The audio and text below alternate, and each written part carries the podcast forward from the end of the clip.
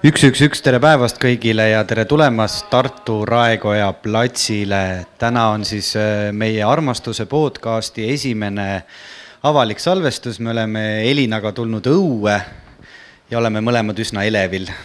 aga nii palju tahtsin veel öelda, et äh, kes meid kuulab salvestuse pealt või, ja ei tea, et siis Tartus on mõnusasti päev otsa vihma ladistanud, aga just praegu mul on tunne, et see vihm jäi järele nii et äh, inimesed, äh, kes te olete seal ähm, tooliridades lahtise taeva all, kui te tahate, te võite veel tulla istuma ka siia katuse alla.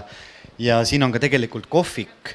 Ja me vestleme siin umbes tund, tund aega, vaata kui ilus kellamäng algas ka pihta. selle sisse ongi hea rääkida, seda kohviku juttu, et tegelikult, kui teil on tunne, et te tahate tõusta vahepeal püsti ja tulla siia kohvikusse, siis palun tulge sellepärast et äh, see on selline mõnus äh, õdus vestlus ja, ja me, me kuulame selle kellamängu ära, eks ole. proovime, proovime kaasa laulda ka. mis laul see on? ma ei ole kuulnud seda, olen, ei ole. see peaks olema, kas siin ma lugesin äh, mingist pressiteatest, et siin erinevad armastuslaulud mängivad Raekoja platsil, aga mul ei tule see ka tuttav ette praegu. aga kui sa, kui sul oleks nüüd võimalus siia peale laulda, mis sõnad tuleksid äh,? See on üks hästi kole mm, laul. ma saan, ma saan vist kuulnud seda. armastus on see, kui karu ko-. ei, Veiko, palun. see on, jah, ma ei saanud seda lõpuni laulda. Need, kes äh, kuulavad ja meid ei näe, siis me õõtsume parasjagu. jaa. aga jaa, tere kõigile ähm,. nii tore, et äh, armastus tunneb armastuse ära ja et, äh, et on võimalus kohtuda sellises äh, linnas, kus tähistatakse armastust äh, filmifestivaliga ja on märgatud meie armastusrohkeid vestlusi, mis praegu on pigem aset leidnud võib-olla põhjapoolsel ranniku osal. nii et väga tore on, on tere öelda siin. ja me pole üldse siin kahekesi täna. nii et äh, ma tahaks veel tere öelda, kui kellad lõpetavad äh, kahele külalisele, kes äh, on tellinud endale nii piduliku sissejuhatuse. see on ka üks selline oskus naistena manifesteerida endale soundtrack'i täpselt sellel hetkel, kui sa tunned, et see vajalik on. nii et sellel hetkel siin ma annaksingi tere üle kahele naisele, kes meiega täna siin liituvad.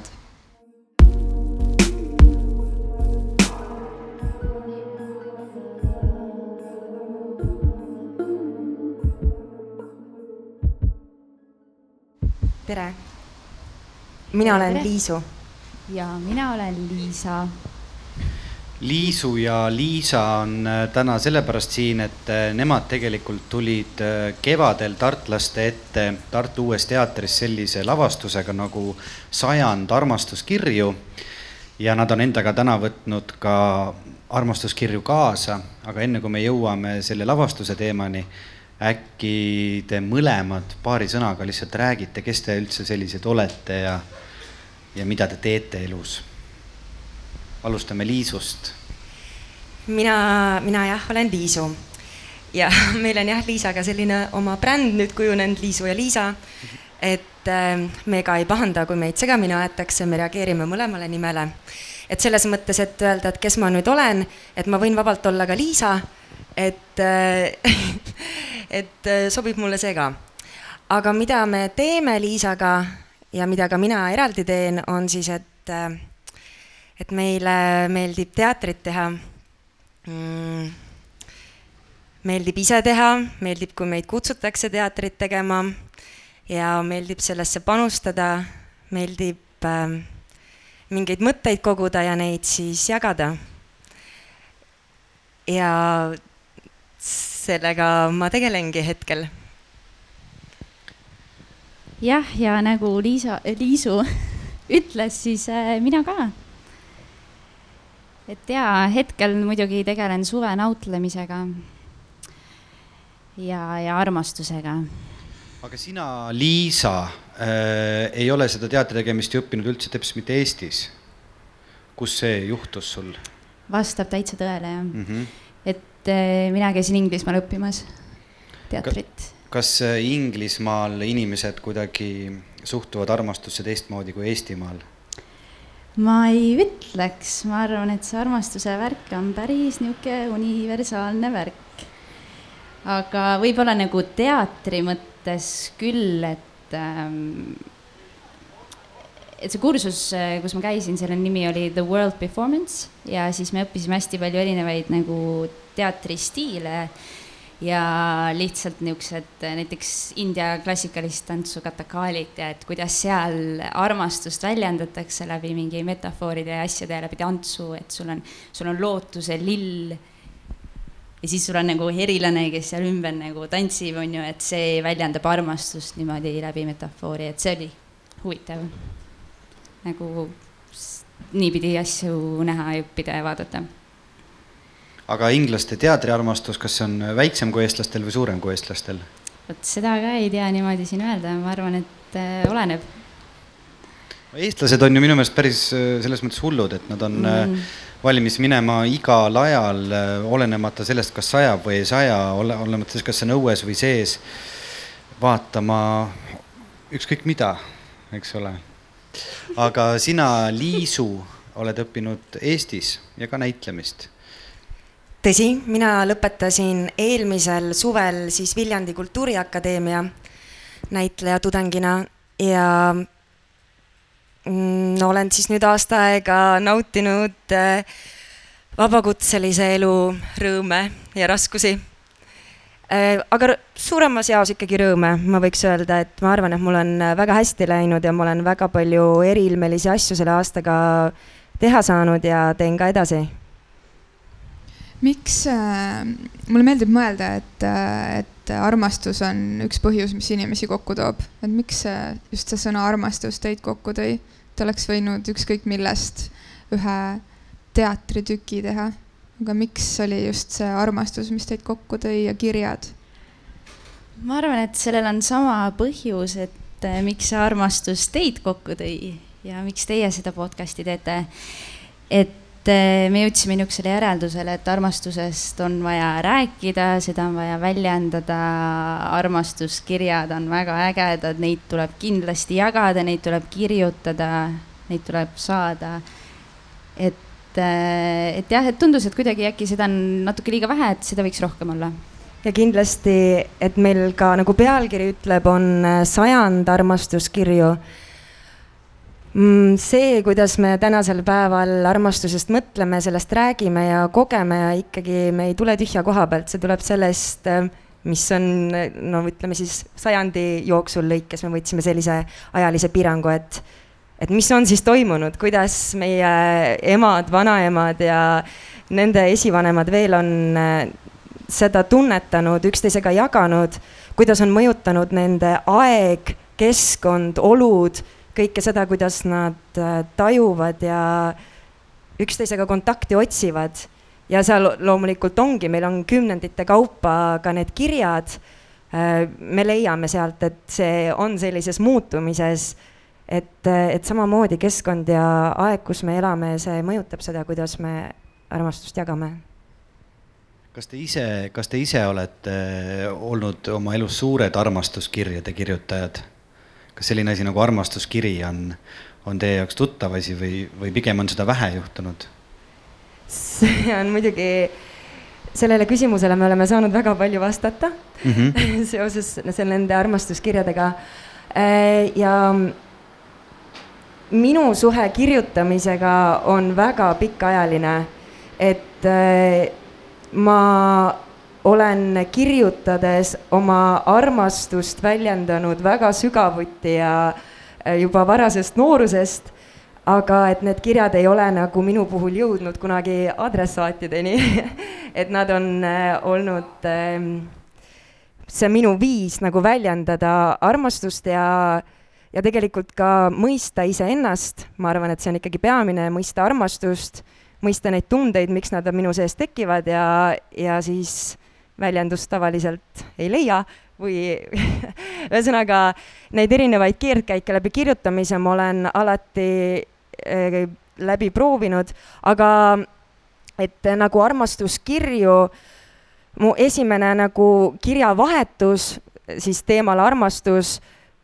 öö, nägigi välja nii, et mul oli üks noormees Soomest, kes mulle oli väga sümpaatne ja meil oli olnud võimalus koos olla ainult nädalakene ja pärast seda me otsustasime, ta elas Rovaniemis, et äh, tõenäoliselt me väga tihti kokku rohkem ei hakka saama, aga et äh, jätkaks seda meeldimist siis kirja teel ja me otsustasime, et äh, mina ei rääkinud sõnagi soome keelt ja tema ei rääkinud sõnagi eesti keelt, et mina hakkan kirjutama talle eesti keeles ja tema hakkab kirjutama mulle soome keeles.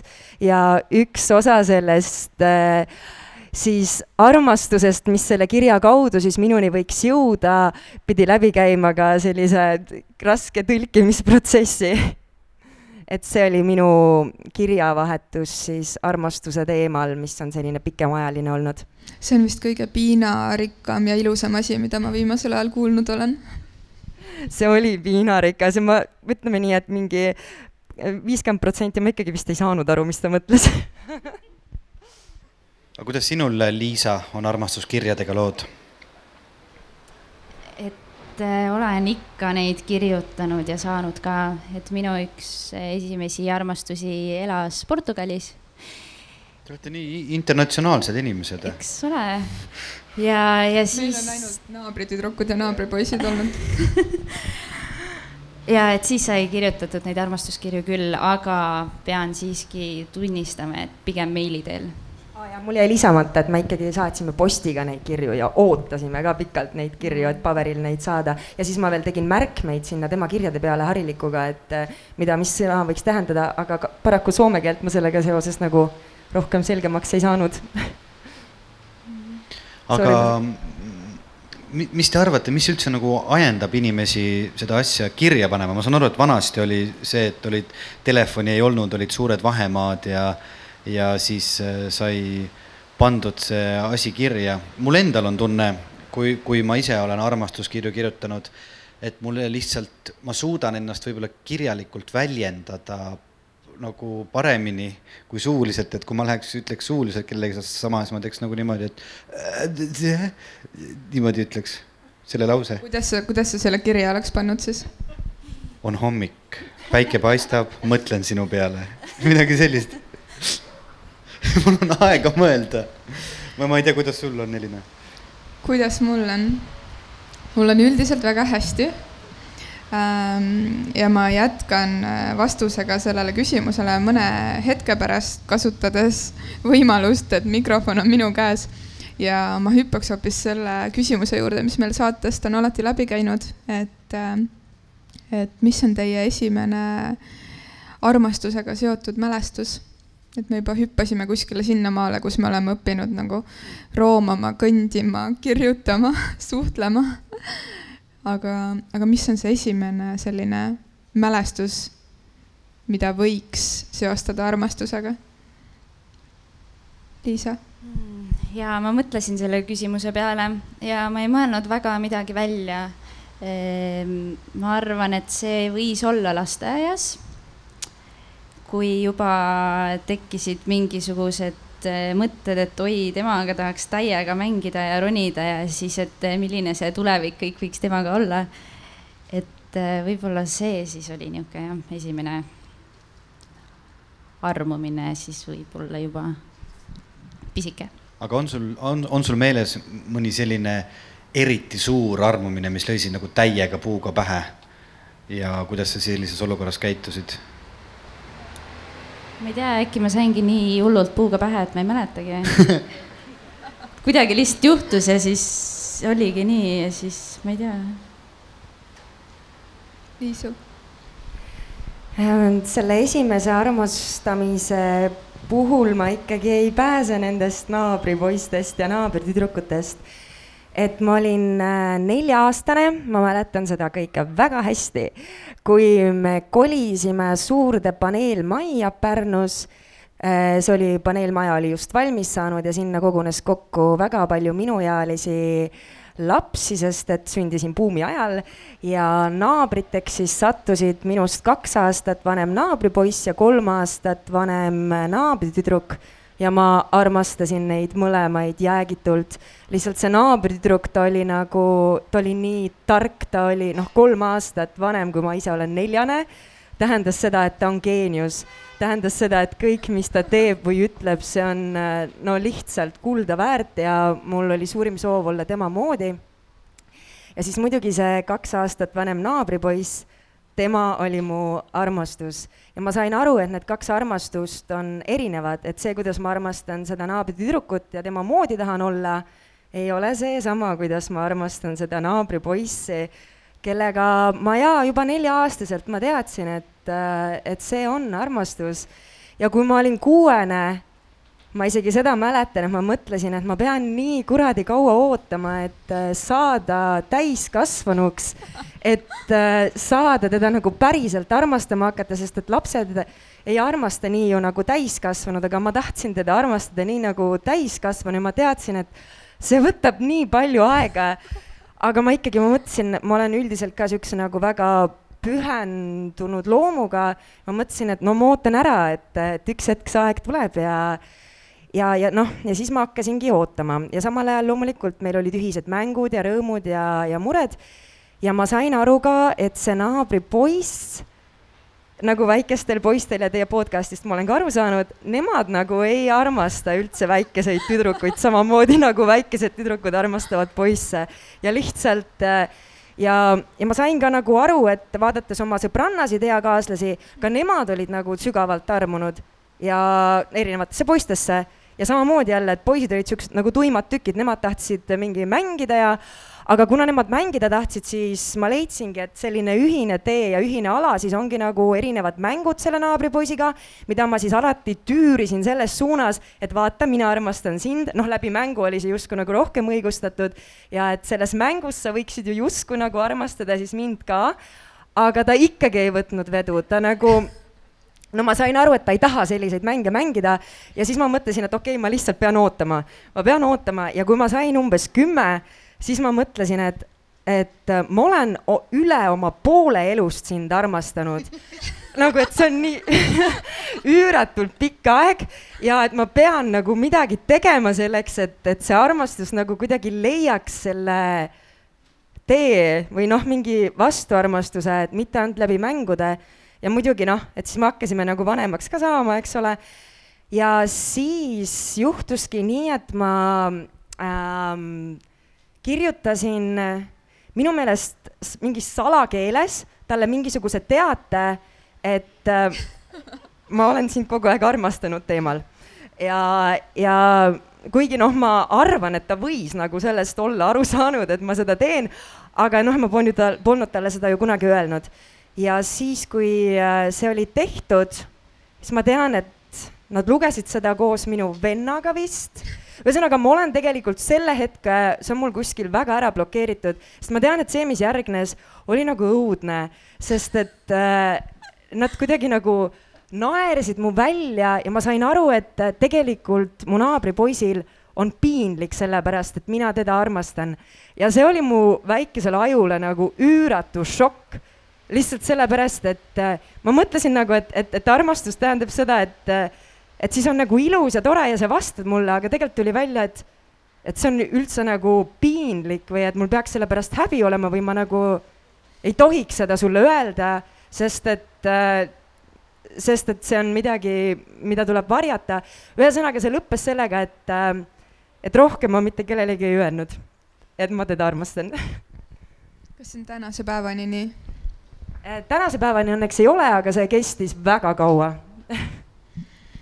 siis siit lihtsalt äh, vahemärkus väikestele poistele, kes te meid kuulate, et äh, ärge siis tehke nendele väikestele tüdrukutele traumasid terveks eluks. kusjuures, kusjuures ma just mõtlesingi seda, et see lugu, kui ma nagu kuulsin, et te seda küsimust küsite, siis ma mõtlesingi, et kas ma räägin selle loo, siis ma mõtlesin, ma pean seda rääkima sellepärast, et väiksed poisid, nad võiksid nagu kuidagi nagu sõbralikumad olla nende väikeste tüdrukutega. et nagu tõesti, ma sain nagu trauma nagu ausalt ja et, et see kestis tõesti nagu väga kaua aastaid ja, ja ma nagu võiks ju olla nii, et teised ei saa samasuguseid traumasid aga sul on selline suur tunne, et see üldistub väga paljudele väikestele poistele, mitte et see oli sinu lugu? Ai, tegelikult ei, loomulikult on neid väikseid poisse ka, kes armastavad väikeseid tüdrukuid ja siis, või tähendab, ühesõnaga minu meelest nagu minu häda on minu häda on see, et ma olin nagu liiga pühendunud sellele, sest ma saan aru, et, et noh nagu normaalsus ja väga eluterve on see, nagu Liisal oli, et aa, ma armusin ja siis vist enam ei armunud ja vist oli lastega, võib-olla nagu ei olnud ka. aga noh, ja siis sa lähed nagu elad edasi, elad oma elu ja lähed nagu normaalne inimene, mitte nagu, et aa, ma olen mingi kümneaastaselt meeletult armunud ja siis saan trauma kogu eluks, see ei ole nagu eluterve ma ei ole kunagi tegelikult mõelnud selle peale, et hinnangut anda nendele väikestele poistele, kellega ma väikse tüdrukuna kunagi koos mängisin. aga aga need tõesti, need mustrid on erinevad, et äh, ma mäletan, et ma olin nagu ägedam tüdruk siis. tegelikult ma mängisingi ainult poistega, aga et me ronisime kogu aeg igal pool ja mida kõrgemale, ükskõik, kas see oli puu, maja, katus äh,, äh, redel, ma ei tea, öelge veel, mille otsa saab ronida, onju siis, et kui ma sain nagu veel kõrgemale ja natuke isegi võib-olla kõrgemale kui poisid, et siis, siis see minu nagu see ägedus äh, naisena, selle väikse tüdrukuna kasvas. et, ähm, et kuidagi nagu poisid ei pidanud väga palju tegema, et nagu nende äge, ägedus kasvaks aga mina pidin kõrgemale ronima um,. mul tuli praegu see meelde ja teisena tuli lapsepõlvest uh, sulle kuidagi vastukajaks see meelde, et, et me tegime ju ka igasuguseid neid kodumängimisi ja siis olid need rollid. ja siis, kui olid need poisid, kes, kes siis natukene kuidagi rohkem meeldisid ähm,, siis ju mina tahtsin olla ema Veiko tegi hääli. ei, mul tuli üks enda lugu meelde, see on nii loll lugu. räägi edasi, palun. Veiko räägib selle kindlalt kohe pärast. et, et mina tahtsin olla ju ema ja siis mina tahtsin, et see poiss oleks isa, aga enamasti need poisid tahtsid olla koerad siis oli alati probleem, et kes on isa, kui see mees, keda ma tahan, see poiss, keda ma tahan, et oleks isa, tahab olla koer. Min, mina mäletan, et me mängisime naabritüdrukuga litsimaja. aga see nägi välja niimoodi, et me ei teadnud, kuidas see käib ja siis me olime lihtsalt niimoodi kahekesi voodis kõrvuti pulk sirgelt lamasime ja siis ütlesime, et me mängime litsimaja me oleme lubanud, et äh, omavahel Veikoga lihtsalt, et me tänast saadet väga palju ei monteeri, ma ei tea, kas me saame seda lubadust pidada. Ähm, jaa, kas sul tekkis, äh, Liisa, nende lugude peale veel mingi? igatsus meile midagi rääkida mõnest toredast hetkest oma elus. ei, ta raputab pead. Mm, mul oli ka vist rohkem nagu Elinal oli, et me ei mänginud kodu, me ka ikka ronisime mingid poistemängud olid ja seal pidi ennast tõestama kogu aeg, et olla nagu kambas ikkagi ja, ja. aga mingit kodu mängimist ma väga ei mäleta, et oleks olnud. ei, mul ikkagi oli kodu ka, mul oli nii, et ema viis nagu vägisi, kui ma olin viieteistaastane, viis nukus kel-, keldrisse, et me enam ei mängiks, nii et tegelikult on kõike olnud aga. mul tuleb meelde küll lugu ja, ja, ja, ja see on, see on ka trauma mul, sellepärast see oligi kuskil ära peidetud. Ähm, ja mu kallis perekond äh, olime maal, oli jaanipäev või midagi niukest ja siis oli üks poiss, Eerik, kes oli siis perekonna tuttav, kuidagi minuga ühevanune. istusime lõkke ääres, sõime koos hapukurki ja siis keegi tuli mingi geniaalse mõttele, et, et et, et Liisa ja Eerik, et nad võiks paari panna, et teeme pulmad. ja siis nii juhtuski ja meid viidi sauna ja mulle pandi mingi kleit selga ja mingi. kui vanad te olite? ma ei tea, mingi viie, ma ei tea, kuu, midagi väga väike, aga tegelikult oli veel niimoodi, et mul kas su ema nagu... tuli selle mõtte peale või? ma arvan, et see oli mu õde see oli mu õde või mingi täditütar. loodan, et see oli su õde. ja, ja pigem, pigem ja, ja. Aga siis oligi, tegelikult mulle meeldis see Eerik ja, ja me sõime hapukurki ja tegime musi isegi, aga siis tuli see pulma ettepanek, onju. ja siis pandi mulle kleit selga ja viidi sauna, et saunas ja siis keegi pani meid paari, ma ei mäleta, jälle mu õde või keegi. ja, ja siis oligi, et Liisa, et kas sa nüüd võtad selle Eeriku nagu eluks ajaks. ja ma hakkasin lihtsalt nutma ja jooksin ära nagu mingi, aga ma ei saa, ma läksin täiesti trauma, täielik trauma ja, ja, ja.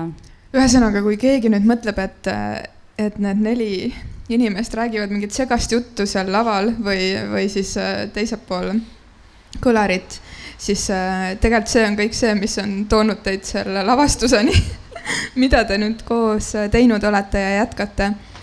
et äh, kuidas see protsess pihta hakkas saite kokku ja kas see armastuskirjad oli juba nagu kuidagi laual mõttena? Või kuidas need kirjad hakkasid tulema, kuidas te need leidsite, kas teile kirjutati kirju, mida varem polnud olemas olnud, kas te otsisite üles kirjad, mis on olnud kuskil peidus? see kõik hakkas pihta sellest, et äh, ma läksin maale, äh, minu ema kodu siis kunagi ja siis ma leidsin enda isa kirjutatud kirjad, kui tema oli sõjaväes ja siis ma lugesin need läbi, siis ma nutsin ja naersin ja, ja, ja see oli minu jaoks täielik üllatus, sest et mina ei teadnud, et minu isa suudab väljendada selliseid tundeid, emotsioone, luuletusi kirjutas ja ma olin nagu üliinspireeritud sellest.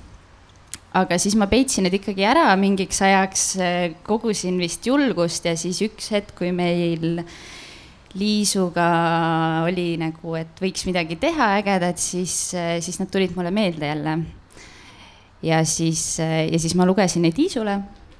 ja Liisu arvas, et vau, Liisa, nagu jaa, muidugi, et see, et sinu isa neid kirjutas äh,, ülitore, aga kindlasti nagu on veel nii palju inimesi, kes kirjutavad ja, ja on neid kogunud ja kellel on alles neid kirju, me peame lihtsalt üles leidma need inimesed ja hakkama sellega kohe-kohe tegelema. ja siis eh, oli, olime väga-väga nagu innustunud ja siis ta ütles, et aga kes, kes, kus, kuidas, kahekesi vaatasime, ahah kulka tähtajani on neli päeva, me ei ole kumbki ühtegi kulka projekti mitte kunagi kirjutanud, aga proovime siis hakkasime kulka jaoks projekti kirjutama, mõtlesime välja siuksed peaaegu suvalised kohad, kus me siis kuulutasime, et me hakkame neid armastuskirju ette lugema, mida meil ei olnud üldse. guugeldasime, vaatasime, et äh, vau, et äh, Paide noored just otsisid äh, armastuskirju Järvamaalt ja et äh, neil on no,, neil on kogumik tulemas, võtsime nendega ühendust, küsisime, et äh, et äkki me võime oma jõud ühendada, et jagate oma kirju ka meiega Nad olid kohe nõus, kirjutasime Kulka projekti, millele Kulka vastas, et äh, no põhimõtteliselt, et Nad vist ei vastagi midagi, lihtsalt Nad, mingi no, ei. põhimõtteliselt ei, et äh, nõme et äh, lugege üksteisele, kui tahate, et äh,, et see sihuke projekt küll mingit äh, rahastust ei saa ja et siin ei ole midagi teha aga me ei andnud Liisaga alla ja, ja nägime, et Tartu Uusteater korraldas ideekonkurssi, mis võiks toimuda nende majas. ja et ükskõik mida võis sinna välja pakkuda ja proovisime uuesti, et meie ja armastuskirjad ja me tuleme, teeme ja rokime täiega. ja, ja siis Ivar Põllu arvas, et aga tulge ja tehke ja, ja siis me läksimegi ja kui juba Tartu Uusteater oli nõus, et see nende majas võiks toimuda, siis me käisime raadiotes, televisioonis televisioonis, äh, leidsime neid kanaleid, mida pidi jõuda inimesteni, et nad meile kirju saadaksid ja neid tuli üle neljasaja. Neid tuli meeletult, see oli tohutu kogus, mis meil oli seal läbi töötada lühikese ajaga. aga see oli väga põnev protsess, neid kirju lugeda ja neid koos analüüsida ja neist järeldusi teha. aga teil on ka mõned kirjad kaasas? jah ma jäingi mõtlema seda, et ma eos arvasin, et inimesed üldjoontes ei taha nagu jagada selliseid asju, aga, aga tundub, et siis tegelikult, kui Eesti inimese käest küsida, siis ta on täitsa valmis oma, oma armastuskirju jagama. kas nad palusid ka, et nad jääks anonüümseks? Me andsime ja me ise pakkusime välja, et selline -hmm. võimalus on olemas äh, ja seda ka kasutati, aga mitte väga palju, et selles mõttes me olemegi nagu üüratult tänulikud, et inimesed on meid usaldanud, jaganud midagi nii isiklikku ja personaalset ja, ja nii väärtuslikku. aga ma arvan, et see põhjus, miks seda on niimoodi jagatud, ongi sellepärast, et need on väärtuslikud, armastuskirjad on väärtuslikud, et äh, oleme vist saanud ka selliseid armastuskirju, mis, äh, mis on lihtsalt leitud kuskilt pööningult, ei tea, kelle oma, kes, kuidas, aga kuna tegu on ikkagi armastuskirjadega, kirjandusega, eluga, siis, äh, siis on jah, et äh, on väga tänulikud ka nemad olnud, et meie niisugust projekti teeme, et nüüd nad kirjad saavad mingisuguse kasutuse ja saab neid kuskile edasi anda, et ei, ei pea lihtsalt ära viskama jah, Elina, enne kui ma teda katkestasin, just ütleski, et te olete täna võtnud ka armastuskirju kaasa. ja me tegelikult hea meelega laseks teil mõnda lugeda siin inimestele ette.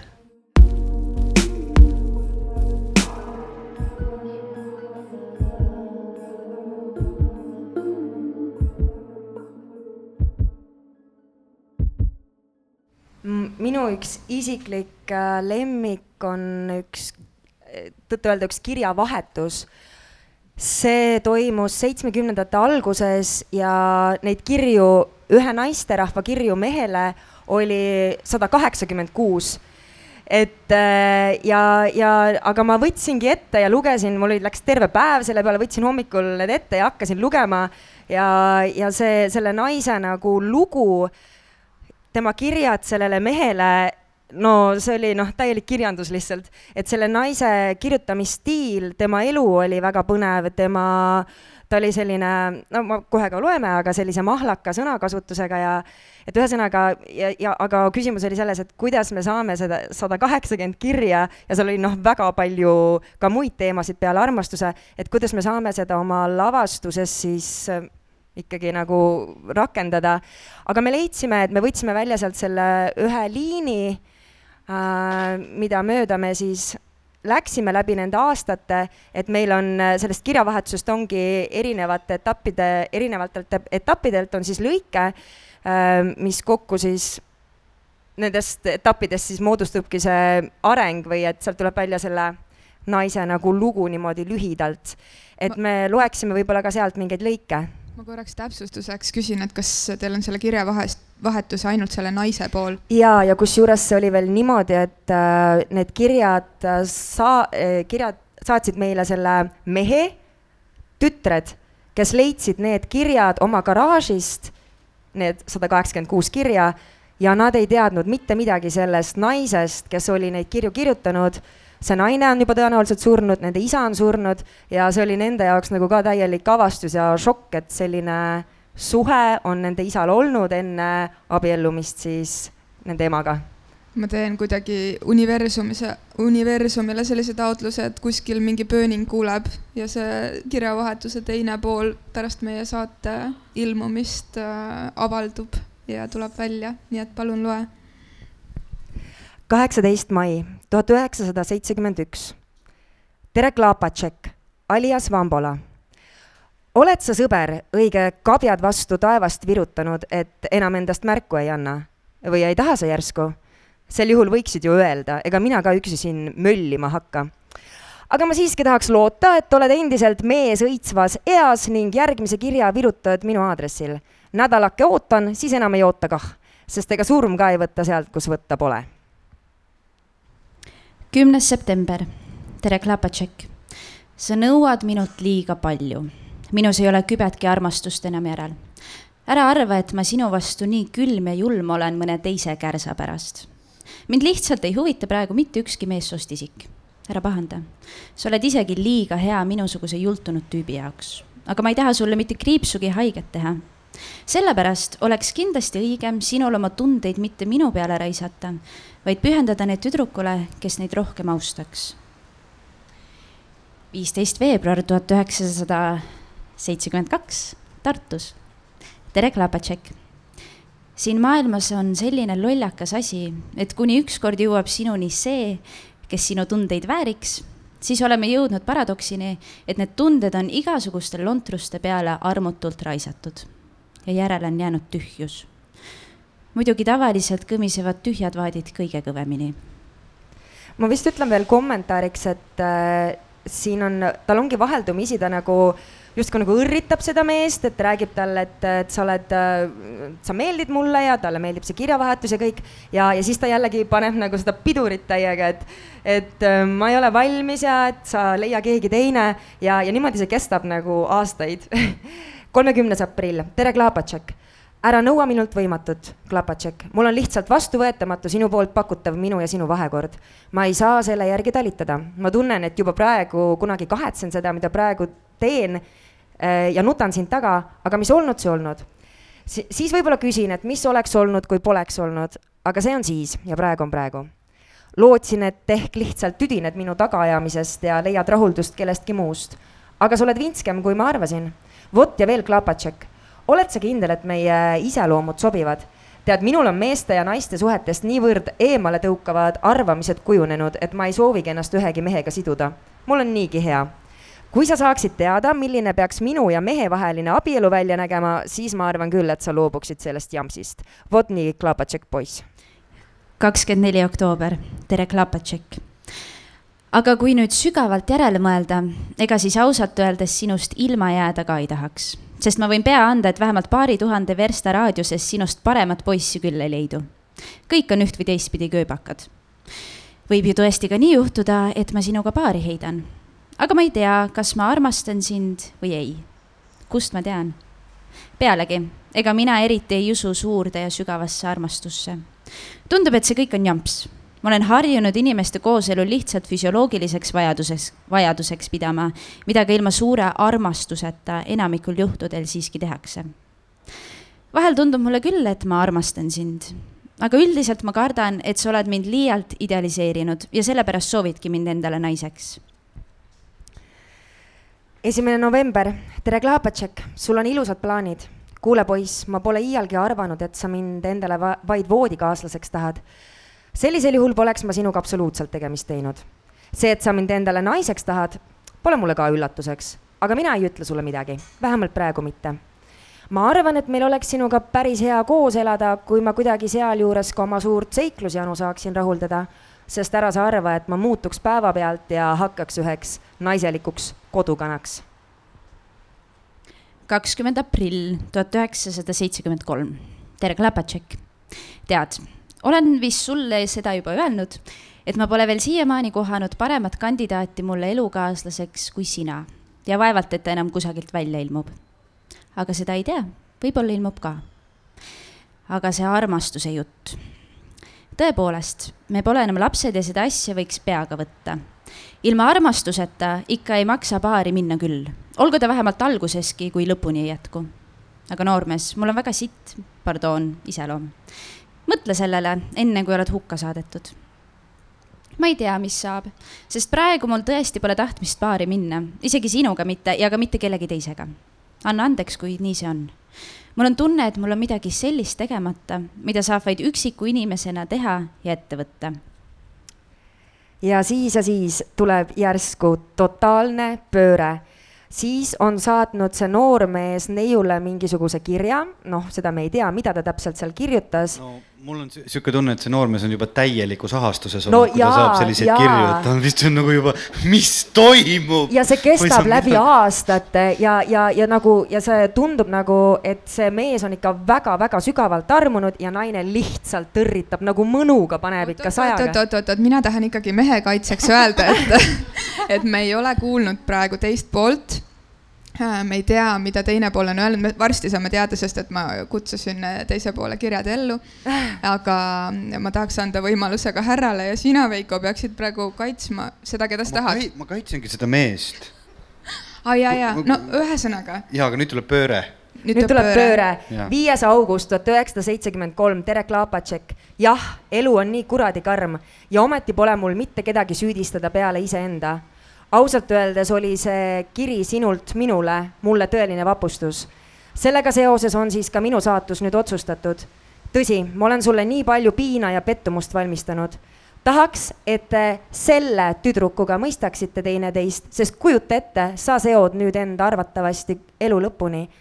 jah, ka mina olen ilma isata kasvanud ja ei tahaks, et neid õnnetuid veel ja veel oleks. nii et ma olen sust ilma mitte kunagi, mitte ühegi põhulõuaga pole mul enam kavas ennast siduda. peale sind on üldse raske ette kujutada kedagi teist. muide, kui ma tookord Viljandis sain teada, et sa oleksid olnud nõus meie pulmad rabas pidama, siis oli igal juhul minu jaoks kõik otsustatud ja ma ei tea, mis mul takistas sulle seda ütlemast. meist oleks nii hea metsik paar saanud, aga lõpetame selle jutu. ju ma siis olengi loodud suureks üksinduseks. luba, et suudlen sind. Pole vist mõtet enam öelda, et ka mina armastan sind aga et sa teaksid. no, no vot, ma ütlen, jäi ilma see naine sellest mehest. keerutas ja keerutas ja ütles ei ja ja ja siit mis on loo, loo moraal, Elina? lugudel ei ole moraali, on, on lihtsalt lood. Äh, ja mina tahaks äh, kuidagi vist küsida teilt kui naistelt et äh, kas teil on tunne, et see on mingisugune universaalne lugu või et, äh, et naisi saab üldiselt ka sellisesse rolli panna, nagu, nagu siin üks väga markantne juhus kirja teel on, on üles tunnistatud? ma tegelikult võin täiesti eksida sest et ma ei tea, mis toimus seitsmekümnendate alguses ju, aga mulle tundub, et selles kuidagi, selles naises on mingit oma ajastu vaimu.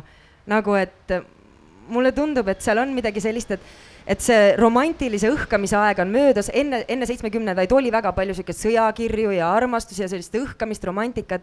ja mingist hetkest toimus see nagu pööre ja selles naises noh, ei ole seda, et ja mulle, ma tahaks nagu üldistada, et see võis olla mingi tolle hetke nagu äh, naiste käitumislaad Veiko, mis sina mehena tunned, kas, kas sa näed, et sellises rollis oleks võinud ka olla üks mees sellistes, sellise kirja kirjutajana või see on kuidagi nagu, kui me teeme üldistusi, see on väga nagu lai pintsel, aga, aga kas see on pigem nagu naiselik? ma arvan, et see on inimlik. ma arvan ka, et see on et, inimlik. seal ei ole nüüd vahet, kas on naine või mees ja see lihtsalt oleneb ka inimtüübist, osad lihtsalt inimesed ei suudagi otsustada, mida nad tahavad. Ja siis, kui neile öeldakse jaa, siis neil on tunne, et aa, ma tegelikult ei taha seda ja siis, kui neile öeldakse ei, siis mul on tunne, et ma just tahaks seda. ma arvan, et see on väga inimlik kogu aeg tahta ja. seda, mida sul ei ole. just äh.... ja mitte tahta seda, mis sulle antakse mm. -hmm. aga ma siiski tahaks kuidagi öelda, et me ei ole seda teist poolt lugenud nii, aga kas meil on ähm, mõnda kirja veel tuua? Ma tahaksin äh, neid õhkamiskirju ka lugeda, sest need on väga, väga toredad, mis olid siis äh, sajandi alguse poole pigem. siuksed üliromantilised, Liisa kohe leiab, see vist ongi seesamane. nii, kaksteist jaanuar tuhat üheksasada kakskümmend üheksa. minu armas Kristjan.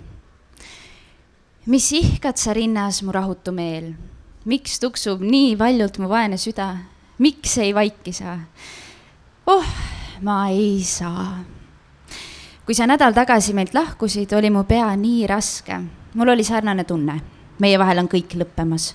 varsti ei tunne meie enam teineteist.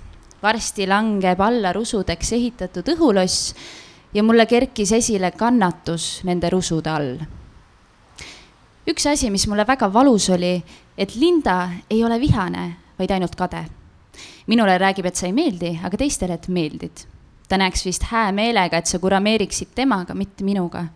ühel päeval ütles ta isegi, et kuis muidu ikka saab, kui peab ühelt üle võtma. miks tahetakse meid lahutada, minu armsam? las mind õnnelikuks saada sellega, keda südamest armastan. vaikige ükskord vahelesigijad. tahan truuks jääda ja jäädava lahkumise korral mitte kellegi teisele enam elada. sind iial ma ei unusta. ja kui sa altari ees seisad ja oma südant lubad teisele ja kui oma jah tal vastuseks annad, siis surud surmapärja pähe mul. ja ära salga minu eest midagi. ma ei taha pärast kuulda asju, mida alguses varjasid. ka sina ei pea minult ühte valju ega kurja pilku nägema. siis oleksin ma ülekohtune sinu vastu usun, et sarnaseid momente ei ilmu meie vahel, sest armastus ja häädus võidab võõra väe. Talv lahkuda võib ja kevade mööduda. suve närtsida võib ja aastagi kaduda, kuid iial, ei iial ma unusta sind. unusta sina, kui saad. surmani sinule tuksub mu rind, teistele ei ole seal maad. ela siis õnnelikult, mõtle minu peale, kui igavus sind rõhub. sinu truu laps see on nagu loeks mõnda romaani lausa niimoodi, selline. tõesti, ma ka mõtlen, et äh, sajand armastuskirju, mis siis kõige varasemad kirjad on, mis teieni jõudsid? Äh, tuhat kaheksasada kaheksakümmend üheksa oli tegelikult äh, kõige varasem kiri. aga enamus ikkagi jäi sinna Esimese maailmasõja kanti kuni siis tänapäevani välja, jah. aga meil on ka, kui veel on selleks äh, hetke, siis palju meil oli ka selliseid kirju, kus äh, noormehed üritasid soetada esimest tutvust läbi kirja siis tütarlastega. Ja meil on üks huvitav selline paralleel siis aastast tuhat üheksasada seitseteist ei, tuhat üheksasada kakskümmend seitse, vabandust, äh, on ühe noormehe siis tutvuse soovituskiri ja siis sinna paralleeliks on siis aastast Äh, kaks tuhat kolmteist. et äh, ma alustaksin siis sellega, mis oli kirjutatud tuhat üheksasada kakskümmend seitse. vabandage, Preili Marja, et julgen teid tülitada nii avalikult ja tõsises mõttes oma kirjaga, mida mina kaua aega oma südames olen kandnud. aga nüüd katsun oma mõttesõnu kord täite saata. Kas nemad ka teie poolt vastuvõtmist leitvad, on küsimus. aga saadan enda elulaevukese kord kaugele elumerele. kas varjupaiga leiab, on minul praegust küll teadmata, aga poissmehe elu on nii, et elu ilma naisterahvata päris igav oleks väga huvitav oleva, kui katsuksite mulle sõnakese, mulle mõne sõnakese paberile panna, mis minu poissmehe südant võiks ka rõõmusta. olen linnaneitudest ära põletu. Ainult maaneiud on silma ees ja ainult oletegi teie, kellest minu suu ja mõtteavaldus praegus räägib. ja veel paluksin, kui võimalik oleks, kirjutage mulle mõni sõnakene paberile, kui see teile vastumeelt ei peaks olema, et enda pärast minu, et minu pärast enda kätt vaevata jään südamest ootama teie kirja. minu elu läheb praegus hästi, aga igavus, mis tapab minu noore hinge, muud minust järele ei jää. ja siis tuli, mul on see, ma loen seda kirja peast, sest seda mul tegelikult ei olegi kuskil kirjas. ühesõnaga lõpus ta siis ütleb, et äh, jään südame äh,, teinekord kirjutan pikemalt äh,, olen teile tundmata äh,, aga minu aadress on Tallinna Ülemjõe tänav number kaheksa. Aleksander Vau, ma tahaks plaksutada. ja nad teevadki seda. Ja VS kaks tuhat kolmteist. kolmteist. tere, olen Herman, saan varsti kahekümne aastaseks. uusi tutvusi, sõbralisti erialaks autotehnik, hobideks luule ja huvideks rammumeeste võistlused, driftivõistlused, räppmuusika, autod ja mootorrattad. mu sõber ja mina oleme grupis luulekogumik administraatorid. sinna on oodatud kõik luuletajad, räpparid ja luuleaustajad. Seal ei ole vahet, kas inimene kirjutab eesti, vene või inglise keeles, kõik on lubatud. seal ka üks mu koolikaaslane ning ühtlasi ka hea sõber, kes luuletab vene keeles elan Tapa vallas. viimane praktika käisin Tallinnas ning arvatavasti lähen ka järgmine praktika Tallinnasse. Herman Laines on mu päris nimeks. Hermu on mu hüüdnimi. Nii palju, kui su pilte näinud olen ja seriaalist näinud sind olen, olen tähele pannud, et sul on päris lahe naeratus. saatsin sulle sõbrataotluse. eks kui sa ei soovi mind sõbralisti, siis saad lükata tagasi sõbrakutse ma olen üllatunud, sest et äh, kui ära võtta mm, sõbra taotlus või, või räppmuusika sellises võtmes, siis see on nagu täpselt sama tempo, ma arvasin, et kaks tuhat kolmteist on Yo what's up ja kõik. tegelikult on ka üks kaks tuhat kuusteist. tere, kaunitar, olen nii nahaalne, aga äkki pakuks huvi diskreetne armuke koos hea sponsorlusega diskreetseks salasuhteks, kui ei, vabandan tülitamise pärast. et see on võib-olla rohkem niisugune tänapäev ma arvan, et ei ole sellist asja nagu tänapäev ja eilne päev äh, armastuslugude mõttes, sest et nagu see kaks tuhat kolmteist äh, versus, mis see eelmine oli? Äh, tuhat üheksasada kakskümmend seitse. et, et seal on mõlemas tunda sellist härrasmehelikkust. ja mina arvan, et seal tuhande üheksasaja kahekümne seitsmendal aastal oli ka selliseid creep'e, kes võib-olla saatsid ühe rea, et jõu, tutvume aga, aga tol ajal ikkagi pidid nagu käsitsi kirjutama ja postkasti panema, et lihtsalt tänapäeval on see, et kirjutad lihtsalt Facebookis ja ütled, et tahad tutvuda, onju. et lihtsalt see vahe ongi. jah, aga see, need on need meediumid, onju. jah. Äh, mis, mis te olete, kui ma saan seda üheks projektiks nimetada, mis te olete märganud või kuidagi, kui nüüd äh, anda mingisugune hinnang et need armastuslood läbi aastate, et kas need on ikkagi kuidagi, need lood on universaalsed? Kui me paneme need meediumid kõrvale, Facebook seinale kirjutamine, chat, texting ja vanasti äh, kirjutamine paberile, võib-olla sulepeaga, et äh,, et kui palju lugu armastuse sees on muutunud või kas on ma arvan, et armastus ise kui selline ei ole väga muutunud, aga jah, need meediumid on eh, teised. et et eh, neid kujundeid ja seda kirjakeelt ei ole tänapäeval enam nii palju, et pigem on see, et aa, ma olen täiega ilusas kohas, ma saadan sulle pildi ja ütlen, kui väga ma nagu mõtlen su peale. et ei ole seda aega ja vaeva võetud, et kirjeldada täpselt, kus, mismoodi ja kuidas ma su peale mõtlen ja, ja nii edasi. aga jaa, ma arvan, et armastus kui selline on eh, äratuntav, on vähemalt minu jaoks olid kõik need armuvalu kirjad, mis me saime, mingi ühepoolne armastus, ükskõik mis ajal see kirjutatud oli, oli väga tuttav ja, ja siis niisugune õnnejoovastus ja, ja armumine, et hästi tuttav tuli ette. suudad koheselt samastuda, et ükskõik mis ajal see kirjutatud on. et põhiline ka kirjades on ju see, et otsitakse kontakti, et seda kirja kirjutatakse, kirjutataksegi selle kontakti ootuses, ehm, oma tunnete, ikkagi oma tunnetele vastamise ootuses. et jah, et see on, see on sama, ükskõik mis on see meedium. aga jah, lihtsalt, et äh, need, ähm, et ikkagi see mõjutab, et mis, nagu ma vist algu-, alustasin ka sellest, et äh, et mis samal ajal maailmas toimub ja, ja mis on muud olud, et, et nendest ikkagi päris ei pääse ka loomulikult armastus, armastus on armastus ma lihtsalt mõtlen, et sa tõid selle küsimuse peale välja oma vastuses, et äh, kirjutatakse selles ootuses, vastuse ootuses.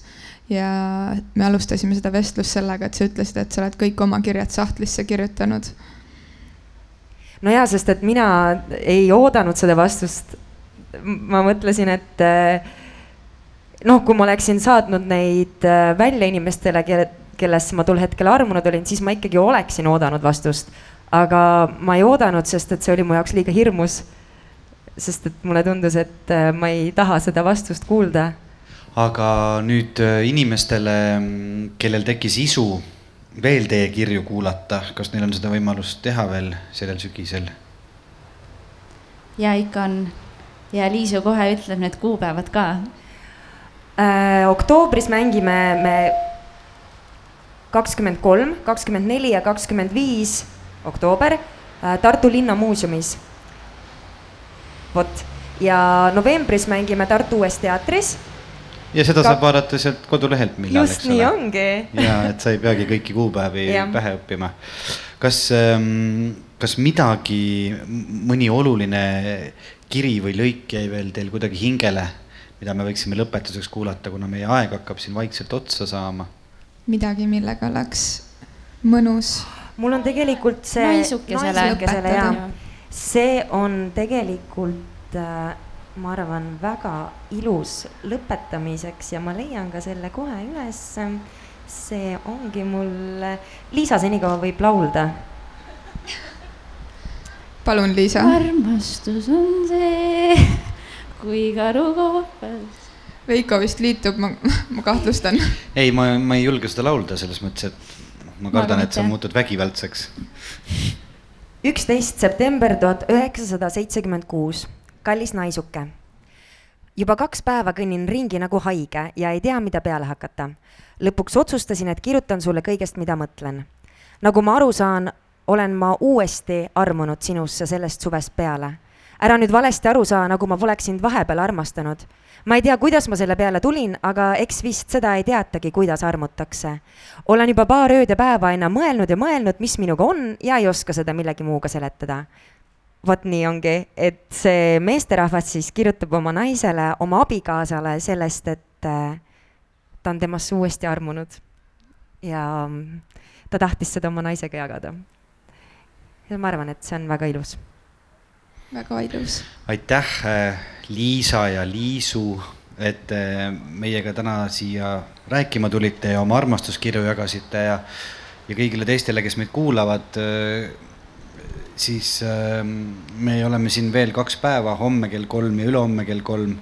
ja homme tuleb meile külla Rein Taagepera ja reedel filmimees Andres Maimik nii et olete oodatud taas tagasi meid kuulama siia mõnusasse telgi alusesse ja, ja vaadake siis meie kodulehte armastusest.com ja kuulake teisi saateid ka. ja, ja ma tahtsin veel ka siia ühe väikse sünkroonsuse mm, hetke lõppu lisada. et kui ma Liisale helistasin, et küsida, kas nad tahaksid äh, tulla oma armastuskirjadest äh, ja natuke veel lisaks armastusest rääkima, siis äh, sel sinasel hetkel, kui ma talle helistasin, siis ta kuulas meie podcast'i. nii et see oli lihtsalt nii tore hetk ja, ja mulle meeldib tõesti alati mõelda, et need sünkroonsused on sellised elunoogutused, mis tähendavad seda, et, et sa oled teel ja siis elu teeb jah, jah, jah. nii et mul on väga hea meel, et te need äh, väärtuslikud kirjad täna siia kaasa tõite ja mul endal tekkis küll huvi rohkem kuulda, aitäh. aitäh. aitäh teile. aitäh